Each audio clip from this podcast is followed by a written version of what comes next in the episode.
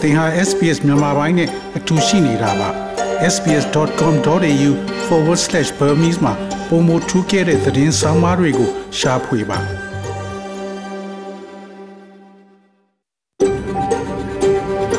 SBS, a world of difference. You're with SBS Burmese on mobile, online, and on radio.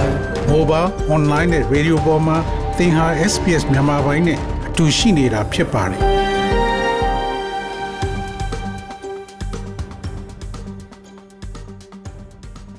သောရရှင်များကျက်တိမင်္ဂလာဖျားဖျားနဲ့ပြည့်စုံတော်မူကြပါစားခင်ဗျာဒီနေ့ February လ9ရက်စနေနေ့မြန်မာပိုင်းအစီအစဉ်များကို SPS Radio မှစတင်တန်လှည့်နေပါတယ်ခင်ဗျာ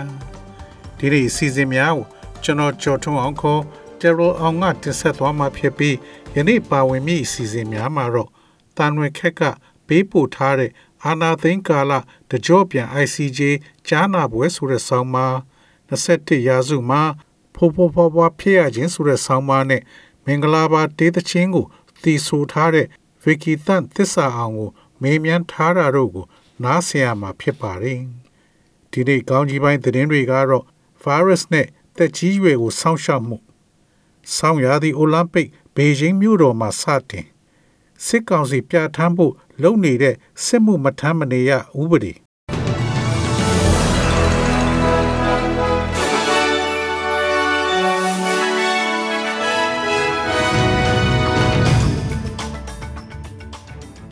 ယခုချိန်ကစပြီးသတင်းများကိုကျွန်တော်ကြော်ထုတ်အောင်ကစတင်ဖတ်ကြားပါတော့မယ်။ virus နဲ့တက်ကြီးရွယ်ကိုစောင့်ရှောက်မှု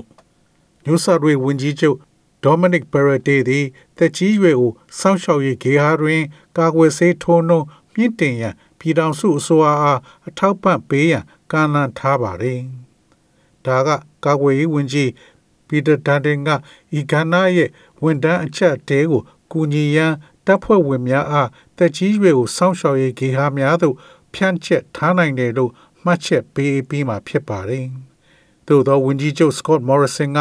ကာကွယ်ရေးဝန်ထမ်းများသည်အရေးအမြိုက်လှုပ်သားများမဟုတ်ကြောင်းပြောဆိုထားပြီးတချို့သောတက်ကြီးရွယ်ကိုစောင့်ရှောက်မှုပေးသူများသည်အကူအညီကိုကြိုးစုံမဲ့လို့လည်းပြောဆိုနေပါတယ်။တက်ကြီးရွယ်ကိုစောင့်ရှောက်ရေးမှာ Federal အစိုးရရဲ့တာဝန်ဖြစ်တော်လဲ New South Wales အစိုးရသည်တတ်နိုင်သမျှကူညီရန်အသင့်ရှိကြောင်း Mr. Perrottet ကပြောဆိုပါတယ်။တက်ကြီးရွယ်ကိုပြုစုစောင့်ရှောက်ရေးဌာနများမှာစေတိုးမြင့်ထိုးနှံမှုနှုံးသည်၎ င်းဖြစ်တဲ့နေရာမဟုတ်ကြောင်းကျွန်ုပ်တို့သိပါတယ်။အခုလဲအရန်ရှုပ်ထွေးတဲ့ area တစ်ခုပါ။မလွယ်ကူပါဘူးကျွန်တော်အမြဲပြောခဲ့သလိုပဲပြည်ထောင်စုအစိုးရကိုကူညီဖို့ပြည်내ကပံ့ပိုးပေးနိုင်တယ်ဆိုတာကိုပါ။ဆောင်းရာသီအိုလံပစ်ဘေဂျင်းမြို့တော်မှာစတင်2022ခုနှစ်ဆောင်းရာသီအိုလံပစ်အားကစားပွဲတော်ကိုတရုတ်နိုင်ငံဘေဂျင်းမြို့တော်ကအမျိုးသားအားကစားကွင်းမှာတောက်ကြနေ့က တရားဝင်ခမ်းနားနဲ့စတင်လိုက်ပါပြီ။ဖွင့်ပွဲကိုအိုလံပစ်ကော်မတီဥက္ကဋ္ဌနဲ့အတူတရုတ်သမ္မတရှီဂျင်ပင်းကိုယ်တိုင်တက်ရောက်ပြီးဖွင့်လှစ်ခဲ့ခြင်းဖြစ်ပါတယ်။ဒီအားကစားကွင်းကြီးကငှက်သိုက်ဒီဇိုင်းလို့လူသိများကြော်ကြားတဲ့2008ခုနှစ်နွေရာသီအိုလံပစ်ပွဲကျင်းပတဲ့နေရာမှာလည်းဖြစ်ပါတယ်။ရုရှားသမ္မတပူတင်ကုလသမဂ္ဂအတွင်းရေးမှူးချုပ်ကမ္ဘာ့ကျန်းမာရေးအဖွဲ့ဥက္ကဋ္ဌ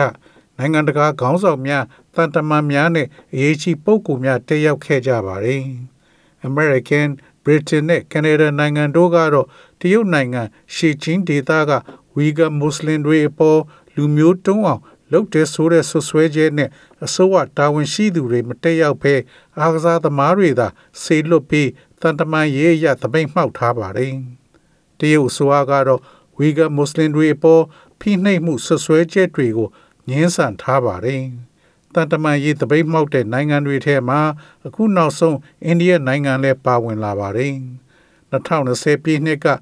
တေချီထိခိုက်မှုတွေကြုံခဲ့ရတဲ့နှစ်နိုင်ငံနယ်စပ်ဖြစ်ခတ်မှုမှာပါဝင်ခဲ့တဲ့တရုတ်တပ်ဖွဲ့ဝင်တယောက်ဟာအိုလံပစ်မီးရှုတိုင်းလက်ဆင့်ကမ်းတဲဆောင်မှာပါဝင်နေတဲ့အတွက်အိန္ဒိယကကန့်ကွက်တဲ့အနေနဲ့တပိတ်မှောက်ခဲ့တာဖြစ်ပါတယ်။ စစ်ကောင်စီပြဋ္ဌာန်းဖို့လုပ်နေတဲ့စစ်မှုထမ်းမနေရဥပဒေ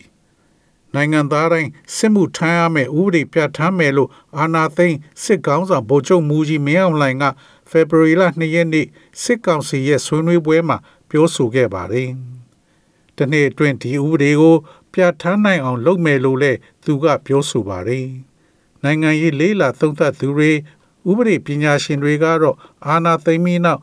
စစ်အင်အားစုဆောင်းလို့မရတာတနိုင်ငံလုံးခုခံတော်လှန်စစ်တွေကြောင့်စစ်တပ်ဘက်ကအကြဆုံးများလာနေတာစစ်တပ်ထောက်ခံသူတွေကိုတရားဝင်လက်နက်တွေထုတ်ပေးကျင်တာကြောင့်အခုလိုစစ်မှုထမ်းဥပဒေကိုပြဋ္ဌာန်းဖို့ကြံရွယ်နေတာလို့ပြောဆိုကြပါတယ်။စစ်မှုမထမ်းမနေရဥပဒေကိုစစ်အာဏာရှင်ဟောင်းဦးသန်းရွှေလက်ထက်2010ခုနှစ်ကတည်းကရေးဆွဲထားတာဖြစ်ပါတယ်။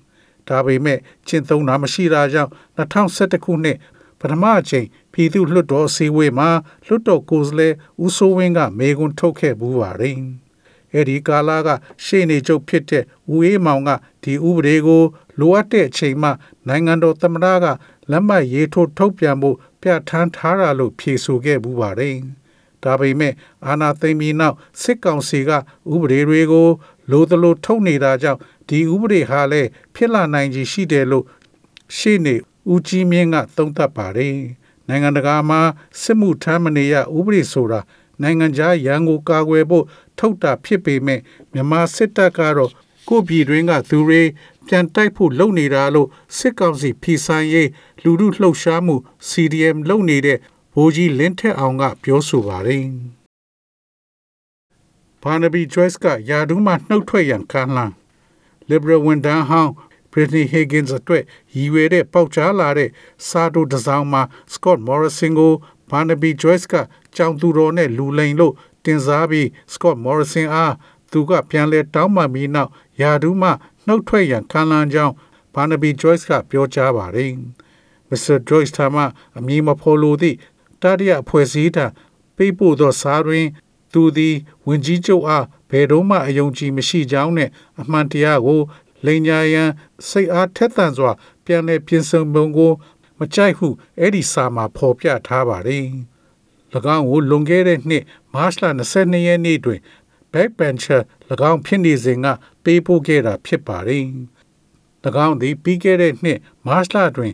ပေးပို့ခဲ့ခြင်းဖြစ်ပြီး Miss Higgin မှအမည်မဖော်လိုသူအစိုးရအဖွဲ့ဝင် လုတ်ဖို့ကိုင်းဖက်တူအားပြင်းပြင်းထန်ထန်ပြစ်တင်ရှုံချပြီးနောက်ယခုသတင်းပတ်အတွင်းမီဒီယာများထံမှ message များမျှဝေခဲ့တာဖြစ်ပါတယ်။ Mr. Joyce ကဝန်ကြီးချုပ်ထံသူကိုယ်တိုင်ပုဂ္ဂိုလ်ရေးအရတောင်းပန်ကြောင်းပြောကြားခဲ့တယ်လို့ဆိုပါတယ်။ကမ္ဘာတဝန်း COVID-19 ကူးစက်သူ383သန်းကျော်သေဆုံးသူပေါင်း9.69သန်းရှိဟုဆို ကမ္ဘာတဝန်း COVID-19 ကူးစက်မှုအရေအတွက်ဟာလွန်ခဲ့တဲ့ကြာသပတေးနေ့အထိစည်ရင်အရ383သန်းကျော်သွားပြီဖြစ်ကြောင်းသေဆုံးသူပေါင်း9.69သန်းရှိပြီလို့ကမ္ဘာ့ကျန်းမာရေးအဖွဲ့ WHO ကပြောဆိုပါတယ်။ဒီထက်မှာကူးစက်မှုနဲ့သေဆုံးမှုအများဆုံးကအမေရိကန်ပြည်ထောင်စုဖြစ်ပြီးနိုင်ငံလူဦးရေရဲ့၅ပုံတစ်ပုံကူးစက်ခံရတာဖြစ်ပါတယ်။ COVID-19 ကူးစက်မှုတွေနဲ့ပတ်သက်ပြီး လေ့လာပြုစုစည်းထုတ်ပြန်နေတဲ့ John Hopkins တက္ကသိုလ်သုတေသနစည်းရင်းအရ American ပြည်ထောင်စုမှာကူးစက်သူ86သန်းနီးပါးရှိပြီးသေဆုံးသူ9သိန်းနီးပါးရှိတယ်လို့ဆိုပါတယ်။ဥရောပတဝမ်းမှာတော့ပြီးခဲ့တဲ့သတင်းပတ်အတွင်း COVID-19 ကူးစက်သူ12သန်းထပ်တိုးလာခဲ့ပါတယ်။ဒါဟာဖြင့်ကပ်ဘေးစတင်ချိန်ကစလို့တပတ်အတွင်းကူးစက်မှုအရေအတွက်အများဆုံးဖြစ်ပြီးခုလိုများလာတာဟာ ကူးစက်မှုမြန်တဲ့ Omicron coronavirus ပိုးသစ်ကြောင့်ဖြစ်တယ်လို့ WHO ရဲ့ဥရောပဒေသဆိုင်ရာညွှန်ကြားရေးမှူး Hans Kluge ကကြေညာချက်ထုတ်ပြန်ပြောဆိုပါတယ်။ဒီလိုကူးစက်မှုတွေများလာပေမဲ့ယောဂလက္ခဏာပြင်းထန်ပြီးဆေးရုံအထူးကုသဆောင်တွေကို ရောက်လာသူအရေအတွက်သိသိသာသာများလာတာမျိုးတော့မရှိသလိုသေဆုံးမှုနှုန်းနဲ့တိုးလာတာမျိုးလည်းမရှိဘူးလို့ Mr. Clutch ကပြောဆိုပါတယ်။ SBS SBS SBS SBS This is SBS Radio. ငွေလဲနှုန်းမှာတော့ Australian dollar ကိုမြန်မာကျပ်ငွေ1258ကျပ်ရရှိပြီး American dollar ကိုမြန်မာကျပ်ငွေ1988ကျပ်ရရှိပါတယ်။ Australian dollar ဟာ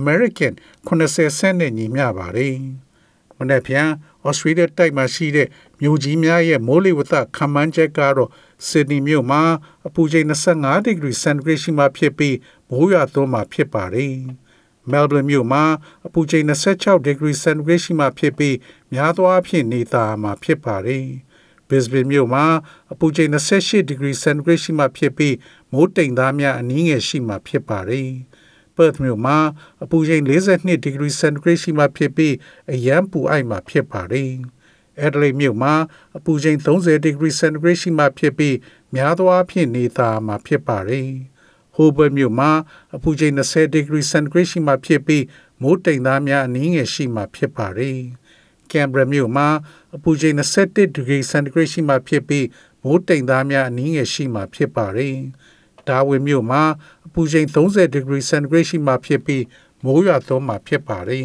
။ဤတွင်သတင်းများကိုကြီးညာလို့ပြီးပါပြီခင်ဗျာ။